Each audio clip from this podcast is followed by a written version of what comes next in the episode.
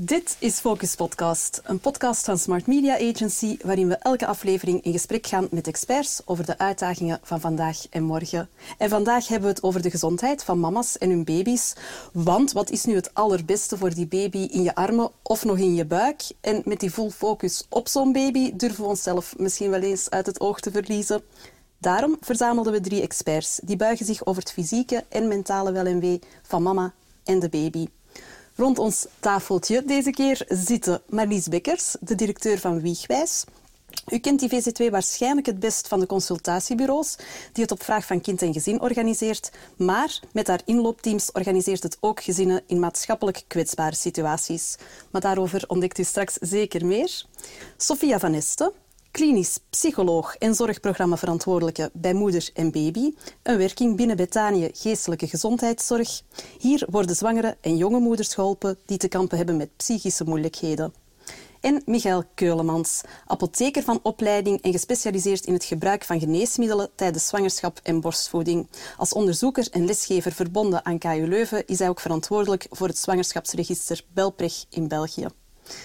Voilà, we zitten niet alleen met vakexperts rond tafel, maar ook met ervaringsdeskundigen, want jullie hebben allemaal kleine of al middelgrote kindjes rondlopen. Nu vraag ik mij dus af, wat weten jullie vandaag dat jullie graag hadden willen weten voor die koters rondliepen? Zijn er zo ervaringen die je kan delen? Ja, ik denk het, het goed genoeg ouderschap. Um, ik denk dat het, het, streven naar het beste voor je kind, dat dat elke ouder doet. Um, maar dat je achteraf, uh, zeker als ze ouder worden of je gaat in gesprek als ze uit die babyfase zijn, dat eigenlijk blijkt dat heel veel mensen met dezelfde problemen struggelen. En dat is dan de impact dat zo'n kind heeft op je, op je dagelijks leven. Dat niet alles roze wolk moet zijn. Um, ja, dat het eigenlijk een, een, enorme, een, enorm traject is. Dat je terug zo het, normale leven um, tegemoet kunt gaan. En ik denk, voor mezelf zou ik daar nu meer denk ik, vragen over stellen dan dat je zo heel hard zelf aan het struggelen bent en aan het zoeken en denken van ik ben hier precies alleen dat dat niet helemaal kan beheersen of zoiets. Ja, snap ik. Ja. Goeie tip. Sophia, heb jij iets ja, dat is, ontdekt? dat is wel herkenbaar. Ik, ja, ik, wat ik graag had geweten voordat ik, mama, voordat ik eigenlijk de tweede keer mama werd, was uh, daar een klein beetje meer taal over. Hè. Heel veel mensen zijn bezig over mama worden of ouder worden, de keuze maken hè, om een kindje te krijgen. Maar wie zegt er eigenlijk iets over de tweede keer mama worden? Uh, dat vind ik toch ook iets helemaal anders. Um, je, ja, met een tweede kindje verlaat je zo'n beetje wat, uh, je idealen van uh, hoe dat je dat naar je eerste kindje wilt doen. Zij is sowieso niet zo... Um, ja, je kunt minder doen hè, voor een tweede kind dan voor een eerste kind. En ook je ouderschap naar je eerste kindje verandert in het licht van een tweede kind. En daar vind ik dat weinig over gesproken wordt. Wat is dat om een tweede keer ouder te worden? Ja, ja. dat is een goede tip. Michael, was er bij jou zoiets dat ja, ik moet zeggen, de, de clichés, uh, die kloppen wel. Kan ik nu wel bevestigen. Dat men zegt van het is het mooiste wat er is. Ja, helemaal akkoord. En, en dat uw leven helemaal over kop gaat. Ja, dat kan ik nu ook wel bevestigen. Um, maar ik denk dat we misschien te weinig stilstaan bij het feit, allee, of het van, vanzelfsprekend vinden dat dat dat kind gezond geboren en alles goed gaat. Hè. Uh, ik denk dat we wel wat medische problemen hebben gehad de eerste maanden met ons zoontje. En ja, dat, dat als mensen zeggen van je moet blij zijn dat je een gezond kind hebt, dat we daar inderdaad mogen bij stilstaan, dat dat echt wel um, ja, een geluk is. Hè. Um, dus ja, en ik, ik volg helemaal het, perfect willen doen. Ligt misschien in onze maatschappij, ligt ook enorm in, in mij en mijn vrouw, denk ik. Um, en ja, perfect bestaat gewoon niet. En u daarover zetten. Ik had gedacht dat we daar. Allee, ja, ik heb het daar wel moeilijk mee gehad. Ik denk van, we willen het zo goed doen en het lukt niet altijd. Als het kind niet wilt eten of het kind komt niet voldoende bij, dat je dan begint je vraag te stellen, wat doen we verkeerd? Maar goed, ja, het is een mens, hè. het is geen machine. Nee. Hè. Nee, een beetje een oproep bij jullie alle drie voor een relaxer en, en meer ontspannen ouderschap. Ik hoorde ook al het woord gezondheid vallen en daar hebben we het deze podcast over. Um, en dan begin ik eigenlijk met Marlies, want ik zei het daarnet al. Iedereen kent waarschijnlijk hè, die consultatiebureaus mm. waar je langs gaat, uh, waar jou, jouw baby gecheckt, gewogen, gemeten wordt. Ik weet dat die controles al in de tijd van mijn grote moeder bestonden en voor mij lijkt het dus een evidentie, maar ze zijn eigenlijk tamelijk uniek.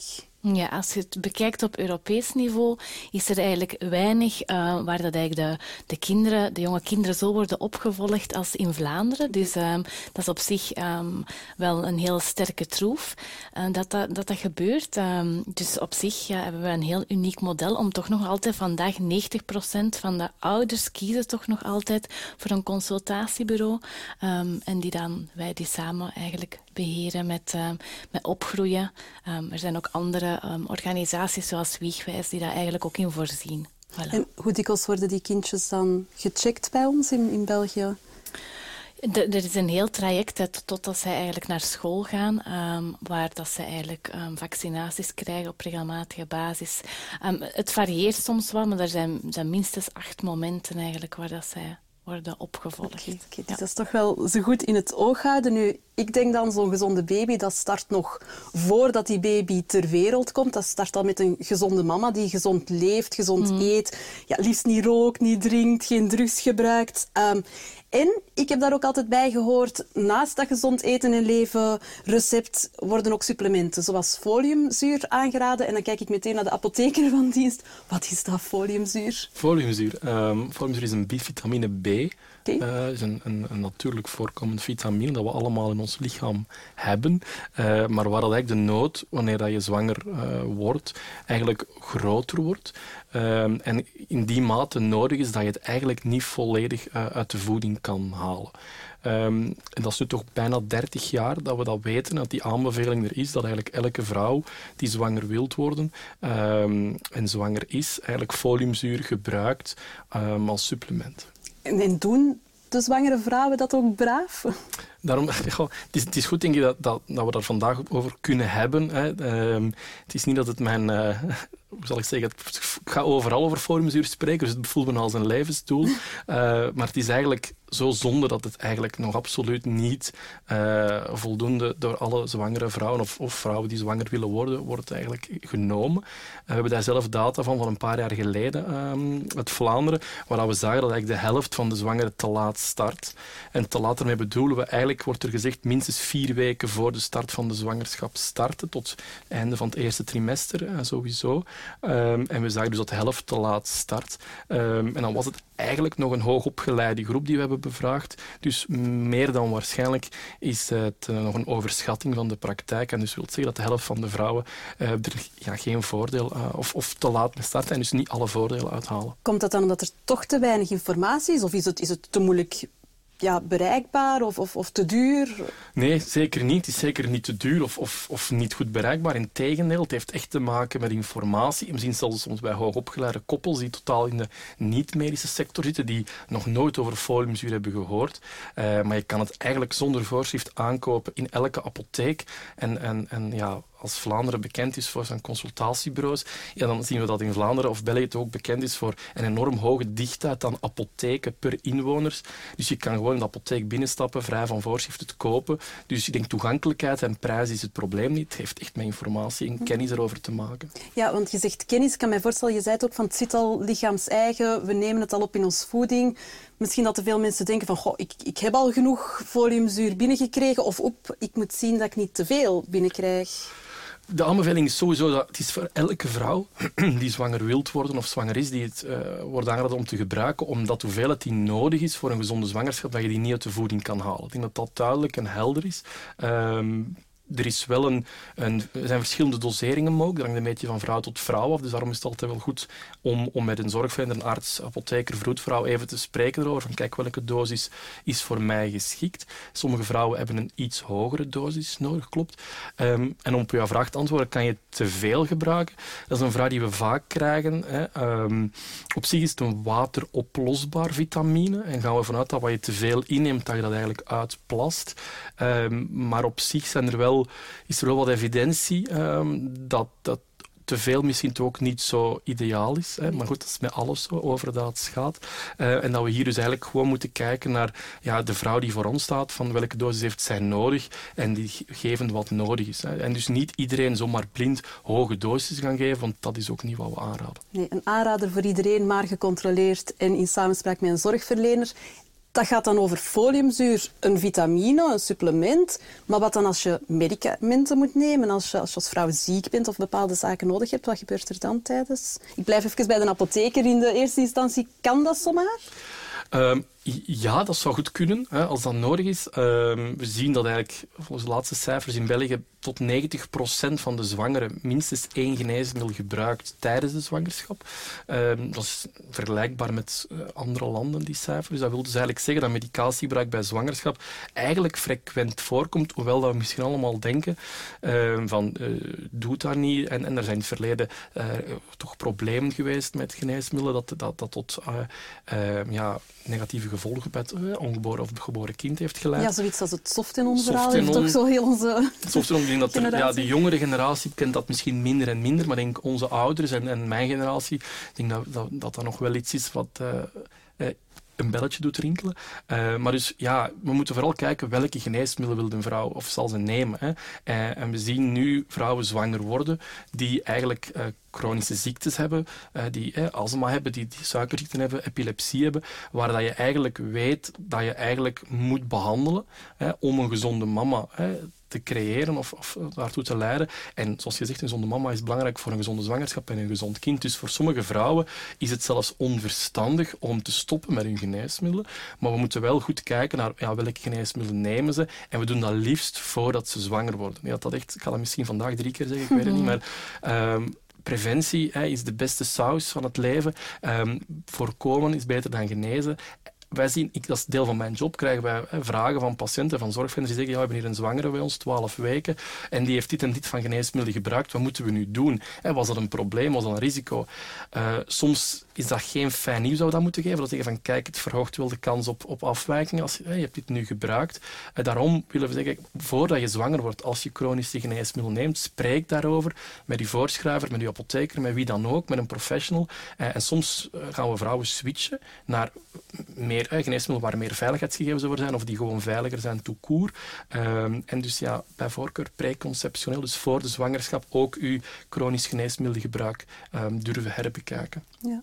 Ja, want ik kan mij ook voorstellen dat mensen het niet weten, dat ze niet weten waar dat ze de informatie moeten gaan halen. Want jij zegt bij de voorschrijver, bij de arts, maar ik vrees dat dokter Google toch ook heel dikwijls een, een, ja, als oplossing wordt gezien.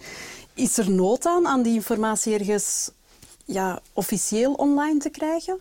Ja, en daar, is, daar zijn we mee bezig. Hè. Uh, het is misschien nog wel een politieke oproep. Het ligt op het kabinet bij onze huidige minister Van den Broeke. Uh, en eigenlijk, de vorige minister, eh, De Blok, heeft dat dossier ook al gezien. Dus we willen voor België daar ook wel een expertisecentrum rondop zetten. Wat eigenlijk in al onze omringende landen al bestaat. Hè. Zelf werk ik deels ook in het Nederlands centrum, maar Frankrijk, Duitsland, noem het op. Al onze omringende landen hebben al decennia zo'n expertisecentrum. België nog niet. Doel is van zo'n centrum om informatie beschikbaar te aan zorgverleners, maar ook aan, aan patiënten. Um, omdat we weten uit ons eigen onderzoek dat, dat zwangeren overal beginnen te zoeken, zelfs dan diefcentrum bellen voor preventieve vragen. Dat blijkt uit eerdere studies die we hebben gedaan. Dus er zijn duidelijk informatie nodig en we zouden graag die informatie centraal beschikbaar stellen voor patiënten, voor zorgverleners.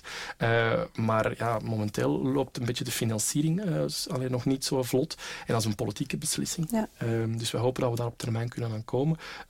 maar misschien gaan we het er straks nog over hebben. Over, we hebben ook meer kennis nodig, nieuwe kennis over veiligheid van geneesmiddelen en dat is ons onderzoeksdomein dat is ons Belprecht-project.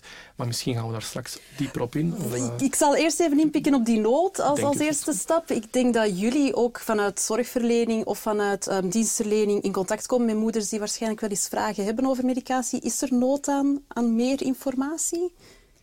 Um, ja, dat, dat, zien wij wel. Ah ja, um, als ik u hoor zeggen, uh, um, ah ja, voor, ons, voor de mentale gezondheid geldt dat ook. Hè. Zorgen voor, goed mhm. zorgen voor uzelf is ook goed zorgen voor uw baby.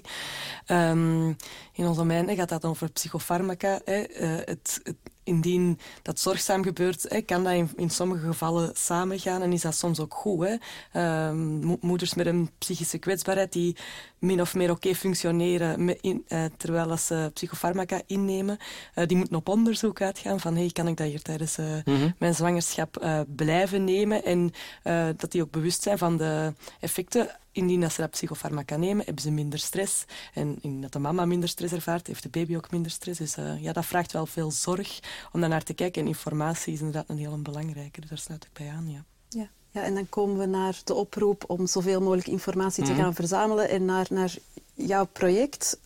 Ja, en ik denk dat de belangrijkste boodschap daar moet zijn, denk ik, dat eh, we kunnen geen typische klassieke klinische studies doen met zwangere vrouwen. Dat gaat, dat gaat iedereen ik ons beamen. Je kan moeilijk zeggen, we gaan hier nu 100 zwangeren nemen, 50 gaan we geneesmiddel geven, 50 niet. En we zullen binnen negen maanden wel zien in welke groep de kinderen het meest gezond zijn of waar het meest of minste afwijkingen zijn opgetreden. Dat krijg je niet verkocht.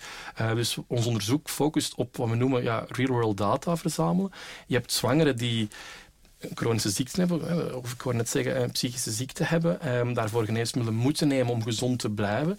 Ehm, anderzijds heb je ook vrouwen die ehm, ongepland zwanger worden en die ineens twaalf weken zwanger zijn en zeggen oei, dit wist ik niet, maar ik heb voor de voorbije twaalf weken wel dit en dit en dit van geneesmiddelen gebruikt.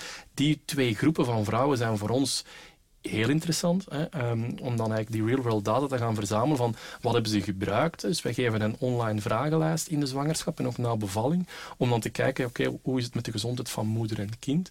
Eh, dus wij gaan nooit tegen vrouwen zeggen, nu moet u zelf iets geneesmiddel nemen om aan de studie te kunnen deelnemen. We vragen gewoon, eh, vul de vragenlijsten in. En dus ook zwangeren die geen geneesmiddel nemen, zijn voor ons enorm belangrijk, omdat wij in analyses ook controlevrouwen nodig hebben. Ehm, dus vrouwen die geen geneesmiddel nemen, vrouwen die een ziekte hebben, wel een geneesmiddel hebben genomen, om te kunnen gaan, eh, kunnen gaan vergelijken. Dus wij hebben zoveel mogelijk zwangere vrouwen in België nodig. Kan- Iedereen zo'n verzameling, hè? Ehm, dat is mijn, mijn professionele hobby, ja, of eh, verzameling. Ehm, en het is iets, allee, we zijn daar in België recent mee gestart, of in Vlaanderen, het is nog enkel Nederlandstalig, de vragenlijsten momenteel.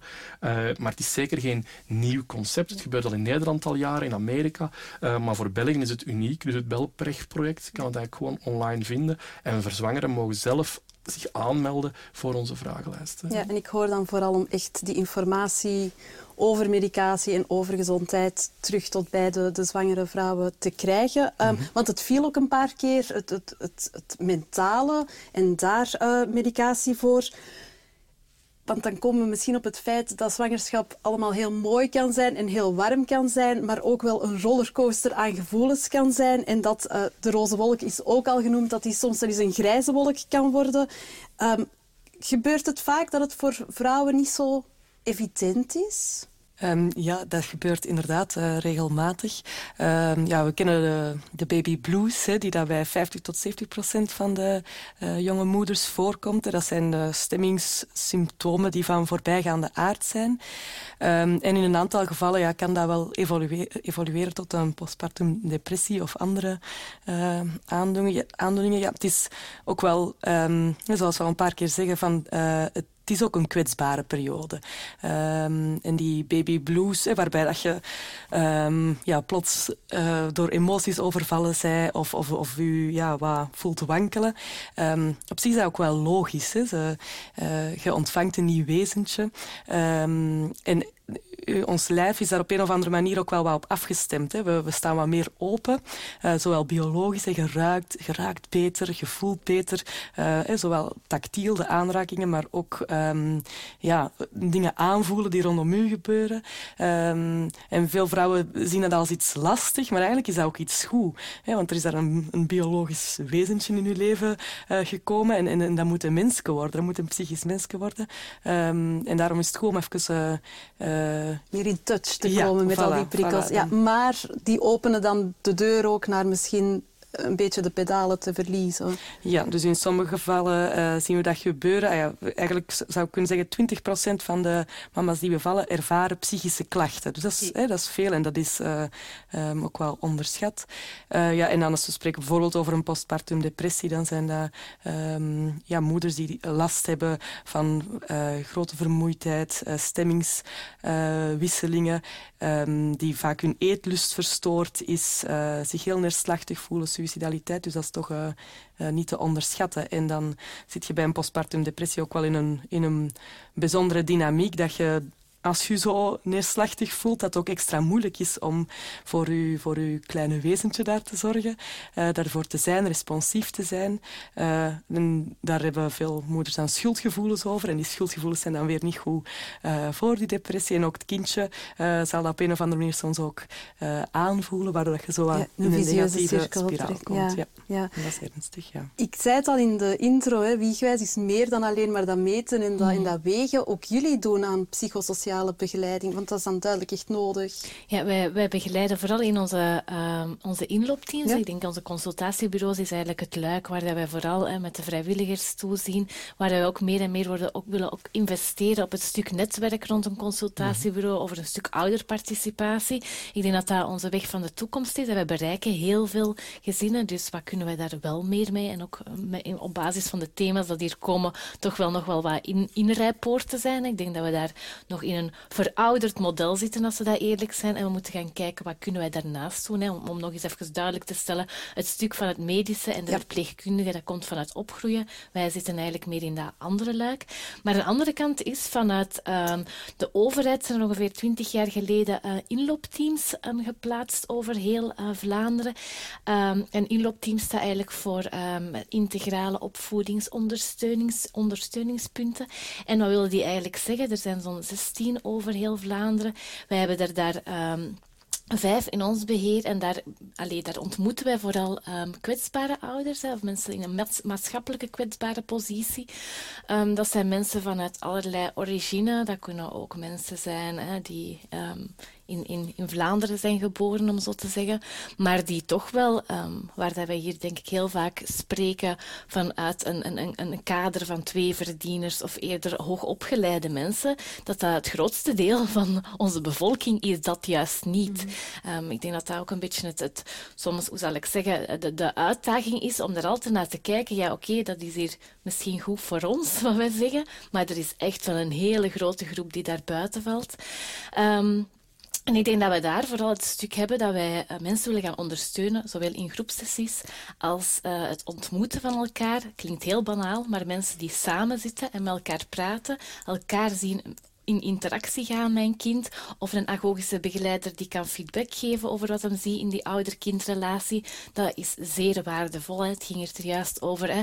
De, gezonde, de gezonde moeder, belangrijk voor de baby. Maar ook een, een moeder die zich gehecht voelt of zich erkend voelt in haar rol is zeer cruciaal um, in, het, in het welbevinden. Dus daar zitten wij op in. Wij zetten ook in op taalondersteuning. Wij zetten ook in op het leren kennen van kinderopvang. Concept voor ons heel normaal. In andere culturen is het niet zomaar normaal om je kind bij wildvreemden af te zetten, om het zo te zeggen, en terwijl te gaan werken.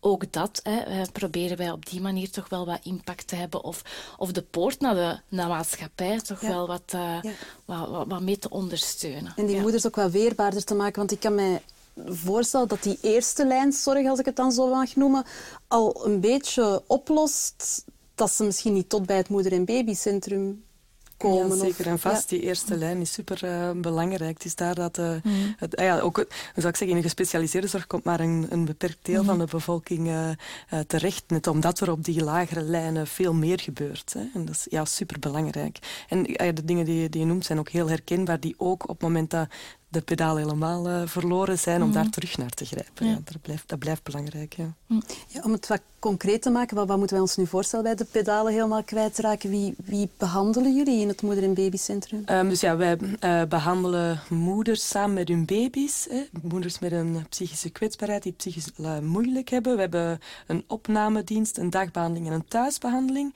Hè. Um, ook de meeste mensen worden behandeld in thuisbehandeling. Het is ook, hoe zou ik zeggen, heel ingrijpend om iemand die pas bevallen is, de moeder en de baby, hup, uit dat warm kokonnetje te halen en, en op die opname eenheid te zetten. Uh, het is daar wel gezellig, daar niet van. Maar het is niet thuis. het is niet thuis. Hè. Um, maar ja, dus die, de, die moeders komen bij ons terecht. We, we, we, bieden eigenlijk ook een gezinsbehandeling, zeggen want het is moeder en baby, maar ook de vaders uh, of de partners zijn, uh, ja, die worden echt uh, mee behandeld. Um, en ja, misschien dat grootste deel waar we mee aan de slag gaan zijn, zijn mensen die vastlopen in hun co-regulatie. Waar dat, waar dat, we hebben allemaal manieren hè, als moeder om, om jezelf een stukje tot rust te brengen of om zelf een evenwicht te zoeken. Een baby heeft dat niet, een pasgeboren baby. Die, moet, die heeft een nodig om zichzelf te kunnen reguleren. Ehm, en ja, een mama die dat al wat minder uh, mogelijkheden heeft om zichzelf te reguleren, gaat ook misschien minder die een baby kunnen reguleren. Soms zijn er ook baby's die vanuit hun temperament zichzelf ook, uh, of, of minder die regulatie van de ouder toelaten. Uh, en het is daarop dat we, dat, uh, ja, we merken bij de mama's die bij ons komen, de gezinnen bij, die bij ons komen, dat die co-regulatie moeilijk loopt. En daar grijpen we samen op in. En we zeggen eigenlijk als hulpverleners dat we de mama's proberen te dragen, opdat die hun kinderen kunnen dragen. Ja. Ja, zo komt het, het woord samen en netwerk en ondersteuning ook wel een aantal keren terug in alle verhalen eigenlijk, zowel in het fysieke als het mentale. Ehm, ik volg dat. Ik kan daar het voordeel van inzien, maar langs de andere kant denk ik soms dat we misschien als, als omgeving nog een te veel taboe hangen op, op dat mentale probleem, dat we het misschien allemaal nog wat wegwimpelen. Merken jullie dat ook? Um, ja, ik vind dat wel. Ik vind dat er uh, wel ah ja, nog taboe uh, is rondom um, het moeilijke, rondom die periode. Dat is ook iets, uh, ja, iets maatschappelijk. Hè. We leven in een maatschappij waar dat leven extreem bijzonder is. Dat is ook heel bijzonder. Um, we zijn niet meer zo gewoon met, met de dood of zo. we hebben niet veel woorden voor, het, voor dingen die moeilijk lopen, voor tekorten, voor lijden. ja, zal ik zeggen. we zoeken het vaak in extreem terwijl het gewone, het dagdagelijkse, het middelmatige, het soms ook wel lastigere, uh, minder een plekje heeft in onze samenleving. En dus ook uh, moeilijkheden rondom die geboorte. Uh, dat daar minder draagvlak voor is eigenlijk. Ja. ja, naast taboe denk ik misschien ook wel de keerzijde, soms wel een te hoge druk, dat we te veel verwachten. Is dat ook iets dat jullie merken? Ja, ik denk misschien te veel verwachten, maar vooral, het, voor wij moet het niet altijd gaan over problemen. Ik denk dat we vooral heel hard merken dat zo het, het, het klassieke netwerk is wat weggevallen. Ik denk dat we dat allemaal wel wat veel meer individueler, veel meer gericht op jezelf. Wat wil ik in het leven? Wat wil ik, wil ik met mijn gezin? Zo was het vroeger niet. Hè? Om mm. even terug te komen, de consultatiebureaus, wat ik zeg, misschien een verouderd model. Maar we hebben vandaag wel meer dan 3500 vrijwilligers vanuit alle uh, leeftijdscategorieën, maar vooral 60-plussers die zich eigenlijk inzetten om op zo'n consultatiebureau wel die ouders te verwelkomen. Dat is een kleine brug, daar lost je geen grote dingen mee op, maar dat zijn wel mensen die aanspreekbaar zijn en op die manier ook wel voor die ouder al eens kan vragen, hoe is het nu met u? Ook weer zeer banale vraag, maar daar komt het soms ook wel op neer van, oké, ehm, hoe zit ik hier? En ik denk dat daar wel een stuk is waar dat we, het gaat niet zozeer alleen over de druk. De druk maakt ook, en dat is een beetje een vicieuze cirkel, dat we moeilijker tijd hebben voor andere dingen, die dat we misschien nu ook meer in, eh, gaan professionaliseren, die eigenlijk gewoon vroeger misschien wat normaler waren om bij de buurvrouw langs te gaan als je het zelf moeilijk had. Dus ik denk soms ook dat het Um, ja, rond het woord probleem is het soms ook wel een beetje het kip of het ei. Hè. Is het een probleem aan zich of is het ook de context die mee maakt um, dat, dat er probleem, uh, probleem er is? Hè. Ik wil hier direct de brug maken met een andere kant hier, met farmaceutische. Ja, als het hier gaat over foliumzuur, mijn huisarts heeft altijd zo'n voedingssupplement voorgeschreven per direct. Alleen al het feit dat een context maakt mhm. dat het klaar ligt, heeft dat, allez, gewoon om, bij wijze van de gedachte aan zwangerschap, was al de normale link om dat te doen. En ik wil daarmee zeggen, de context bepaalt zoveel. Dus het is niet alleen het problematiseren, maar ook wel zien, we zijn een andere soort mens geworden. Er zijn heel veel verwachtingen, maar er zijn ook de, de, de normale zaken zijn daardoor wel wat, wat weggedijnd, waardoor dat zaken wel soms moeten geproblematiseerd worden om gezien te worden. En dat is denk ik, allee, het, is, het, is, het is niet zo zwart-wit, dat wil ik vooral meegeven. Zit heel veel grijs en nuance in en iets van meer van een collectief dan alleen maar van een individu. Ja. ja. Nu, ik volg u, nu dat collectief ook daar bestaat een keerzijde, dat is dan het, het, social media collectief. En daar stellen we ons misschien allemaal weer wat beter en mooier en sterker voor dan dat we zijn. En dat is ook niet de juiste context, denk ik dan.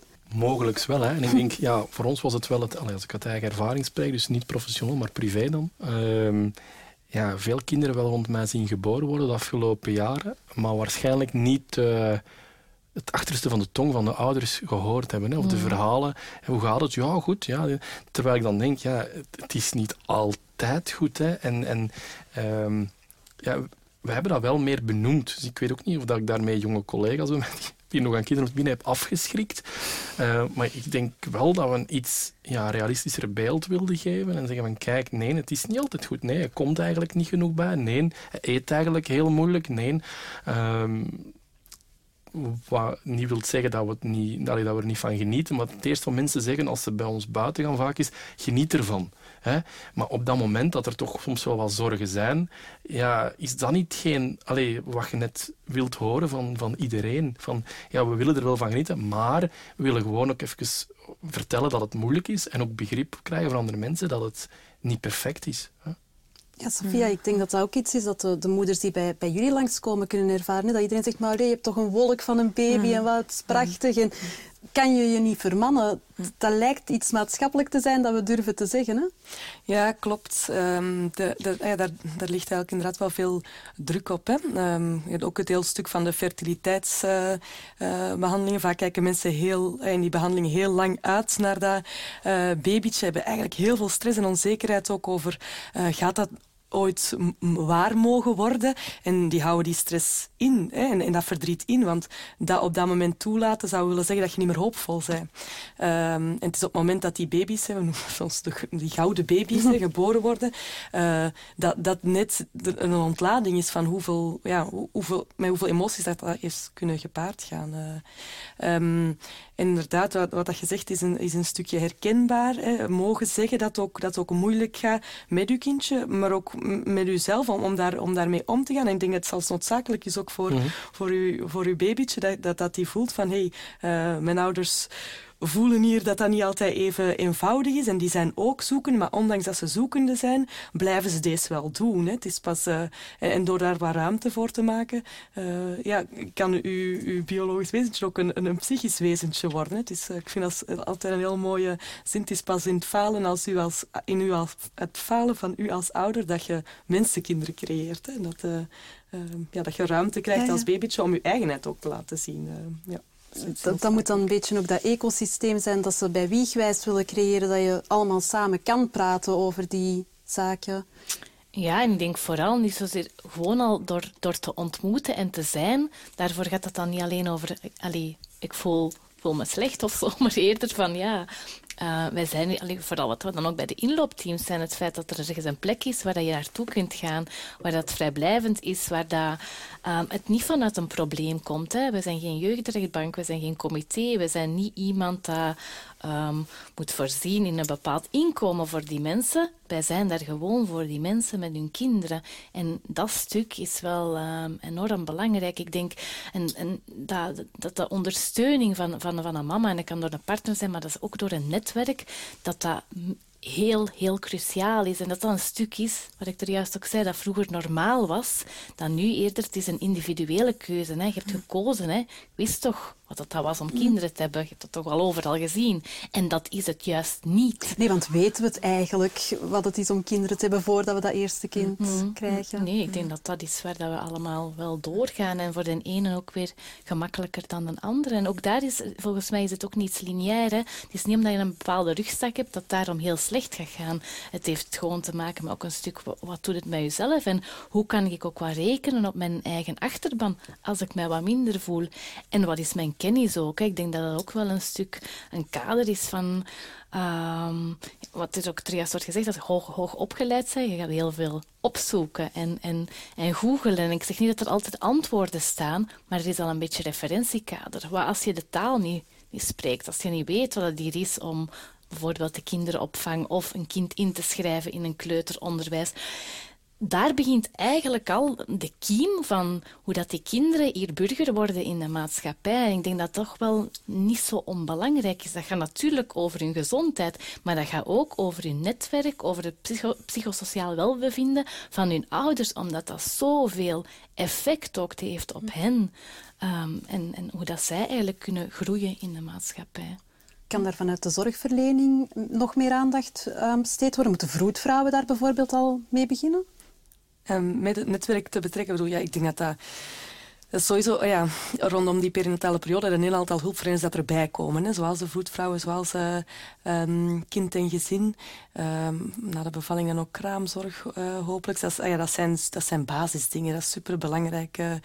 Um, ja, dus ik denk dat dat zeker uh, vanuit hulpverlening in geïnvesteerd uh, mag worden. Maar ook breder dan dat, een soort wat je, wat je ook benoemd hebt.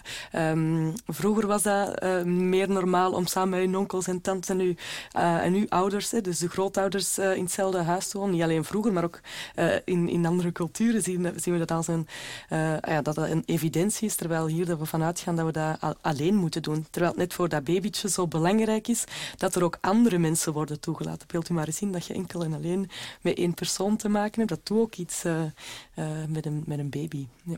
Ja. ja. dus we moeten dat, dat niche creëren en dat zo groot mogelijk maken.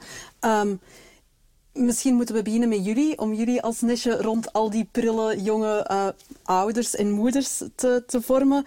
Ze worden al dikwijls overspoeld met goede raad en tips, maar jullie zijn experts, dus ik ga ervan uit dat jullie echt wel een heel nuttige tip of advies uit jullie mouw kunnen schudden. Wat zouden jullie mama's of ouders in spe aanraden?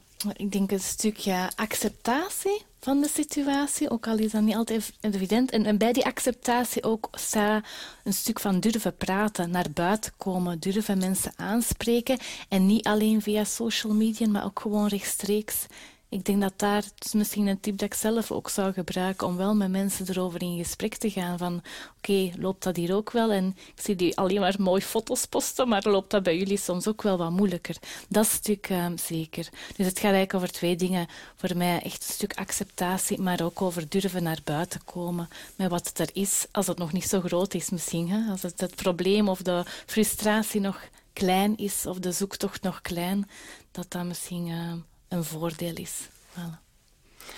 Um, ja, het advies zou voor mij eerder zitten in um, zo de kwetsbaarheid een stukje te mogen omarmen. Hè, wat ik daar straks zei over de, de, uh, de baby blues. Hè, zo het even gevoel van op losse schroeven te staan of, of, of extra week te zijn. Uh, dat, dat, uh, dat dat niet als iets negatief gezien hoeft te worden. Maar dat het eigenlijk ook iets uh, is dat omarmd kan worden. Omdat net door een beetje week te zijn en wel op losse schroeven zijn, te staan, kan dat kindje zich ook inschrijven binnen uw systeem als gezin, binnen uzelf als persoon en binnen een heel netwerk. Dus uh, het omarmen van die kwetsbaarheid, zou ik zeggen. Ja, ik zal misschien een schoenmaker blijven bij uw lees.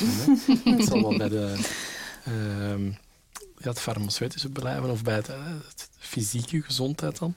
Ik wou het allee, kort even misschien ook aanhalen over het feit van vanuit wetenschappelijk standpunt willen wij alle zwangerschappen dat die voorbereid zijn. Mm -hmm omdat je dan je kan stoppen met alcohol, met roken, je kan foliumzuurtijdig starten, je kan je medicatie herbekijken enzovoort.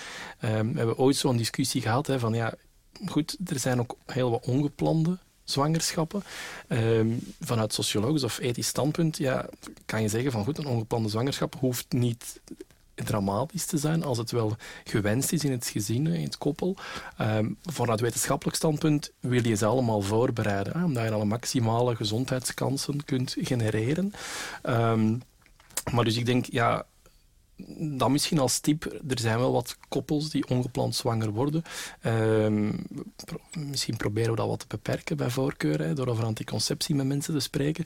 Maar eigenlijk koppels die dan zwanger zijn toch, eh, mogen dan wel geen schuldgevoel krijgen van oei, zie nu, ja, ik ben te laat gestart met mijn voorbereidingen omdat we ja, ongepland zwanger werden.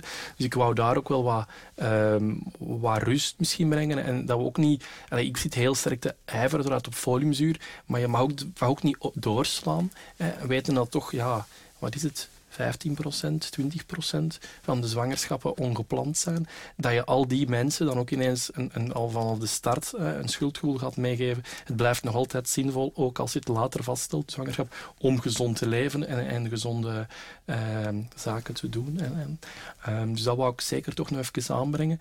Um, en verder over medicatie, ja, dat, dat, er, uh, dat je het niet zomaar op eigen houtje moet gaan gebruiken. Dat er wel wat voorbeelden zijn van geneesmiddelen die toch wel risicovol zijn, maar dat er daarnaast ook echt geneesmiddelen zijn die veilig kunnen worden gebruikt.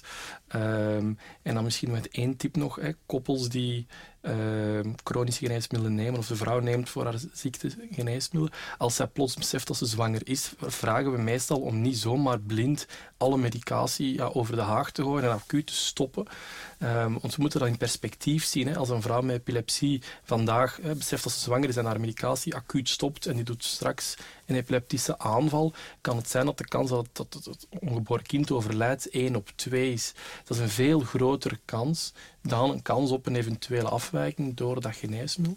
Dus we proberen alles altijd, ja, het, is zwart, het is niet zwart-wit, het is allemaal afwegen. Uh, maar dat is een beetje een stelregel. Ben je ongepland zwanger, stop niet voor je chronische ziekte ineens acuut met al je geneesmiddelen. Er zijn uiteraard uitzonderingen, probeer zo snel mogelijk een zorgverlener te, te, zien. Maar algemeen zeggen we, stop niet, um, zeker bij epilepsie, bij diabetes, bij astma, acuut met je geneesmiddelen, want dan ga je vaak um, meer kwaad doen ik merk als rode lijn bij allemaal op dat het, het gaat om heel bewust en doordacht en, en ook niet te panikeren. We mogen zeker het ouderschap niet uit angst starten. Dat klopt, maar makkelijker gezegd dan gedaan. Ja. Zeg het maar. Um, ja, we, ja, dat is ook ja, over het maatschappijstuk dat ik daar straks uh, sprak. Hè. Wij zien ook bij moeder en baby wel meer um, angstproblematiek verschijnen eigenlijk. Um, omdat er uh, die nadruk wel wat ligt op uh, het, het, perfecte plaatje, zijn vrouwen ook vaak angstiger om iets verkeerd te doen. Um, anderzijds ook het controle-idee. We, we, groeien nu op in een samenleving die ons het idee geeft dat we um, alles onder controle hebben, dat, dat, dat, je zelf je keuzes kunt maken. En als je een goede keuze maakt, heb je dat goed gedaan. Als je geen goede keuze hebt gemaakt, mislukt, dat is niet zo goed gedaan. En dan, uh, ik herinner een prof van mij die altijd zei van, uh, en je moet vooral uh, heel hard je best doen om je allereerste keuze goed te maken, namelijk het nest waarin dat je geboren wordt. Hè, alsof dat je daar iets hè, aan hmm. kunt doen. Um, en dat stukje creëert wel wat uh, meer angst. En dat zien we ook inderdaad in de gespecialiseerde lijn. Uh, en daarnaast ook wel um, het feit dat we ja, het stukje netwerk dat wat wegvalt, minder taal, minder ook grote verhalen waar we ons aan, aan, aan kunnen vastmaken. En ja, dat, hoe zeggen, ze zeggen vaak van angst dat dat een van de meest primaire emoties is. Hè. Um, dus in die zin overvallen, of zijn vrouwen vaak overvallen ook door heel dat existentiële gegeven en hebben ze niet veel taal om daaraan vasthangen. Uh, en dat, ja, dat confronteert al vaak inderdaad met, met grote angsten. Ja. ja het is niet, hè, is niet zo um, ja, zonder risico's hè, voor een gezonde zwanger. Een vrouw, koppels, vrouwen met depressie, met angst. We zien dan ook dat, dat er zijn negatieve zwangerschapsuitkomsten mee geassocieerd. Het vroeg bevallen, het kind dat eigenlijk een lager geboortegewicht heeft. Dus ik ga je nog niet zeggen dat, dat die allemaal moeten medicamenteus behandeld worden. Maar we mogen dat ook niet zomaar onder de mat schuiven. Uh, we moeten dat signaal, als het er is, wel denk ik heel ernstig nemen. Omdat je ook weet dat het eigenlijk uh, fysische gevolgen kan hebben. En daarom, we hebben naar medicatiegebruik in de COVID-pandemieperiode gekeken. Uh, en wat we daar zagen was dat eigenlijk het gebruik van antidepressiva eh, bij zwangere vrouwen, dat dat eigenlijk status quo was met voor de pandemie, terwijl we wel in de pandemie in bepaalde studies zagen hè, dat eigenlijk de, depressieve symptomen bij zwangere vrouwen, hè, postpartum, dat die eigenlijk mogelijk meer aanwezig waren. Dus voor ons was dat wel zoiets van, oké, je ziet eh, geen verhoging van medicatiegebruik, je ziet potentieel misschien wel meer depressieve klachten. Um, waren we dan aan het onderbehandelen? Waren we dan onder aan het diagnosticeren? Dat is niet helder, maar het is wel, denk ik, het moet een aandachtspunt zijn. Maar ik merk gelukkig in de praktijk, ook bij professionals, dat er veel meer en meer aandacht voor het thema is. En dat is gunstig, omdat we mogen dat niet zomaar onder de mat schaven, want er zijn ook risico's aan. Nee, ja, die angst wegnemen, dat netwerk creëren en vooral ja, een warm nest vormen voor al die moeders en vaders in spe, zodat die... Uh, goed gewapend het ouderschap ingaan. Zo mag ik het besluiten, denk ik dan. Ook vaders. Ook vaders, mm. voilà. Allemaal. Nee, goed, dan kan ik uh, alleen nog maar uh, jullie bedanken voor die inzichten. Uh, Marlies Bekkers van Wiegwijs, Michael Keulemans van KU Leuven en Sofia van Este van het Moeder- en Babybehandel- en Expertisecentrum. En ook bedankt aan Kila Held dat deze Focus Podcast aflevering mee mogelijk maakte. En voor wie keek en luisterde, hopelijk tot de volgende.